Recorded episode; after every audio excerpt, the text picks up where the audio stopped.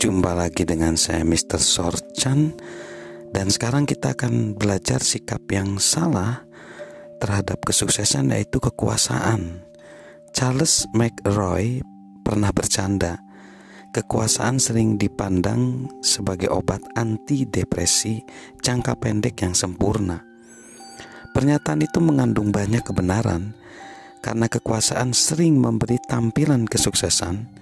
Namun Meskipun begitu, itu hanya sementara. Kita mungkin pernah mendengar kutipan dari seorang sejarawan Inggris, Lord Acton. Kekuasaan cenderung bersifat merusak, dan kekuasaan mutlak juga mutlak merusak. Abraham Lincoln menggaungkan hal yang sama ketika dia berkata, "Hampir semua manusia bisa bertahan menghadapi kesulitan, tapi jika kita ingin menguji karakter seseorang, beri dia kekuasaan. Kekuasaan benar-benar menjadi ujian karakter. Di tangan seseorang yang berintegritas, kekuasaan memberi manfaat yang besar. Di tangan seorang tiran, kekuasaan menimbulkan kerusakan yang mengerikan. Kekuasaan sendiri tidak bersifat positif atau negatif Kekuasaan juga bukanlah sumber rasa aman atau kesuksesan.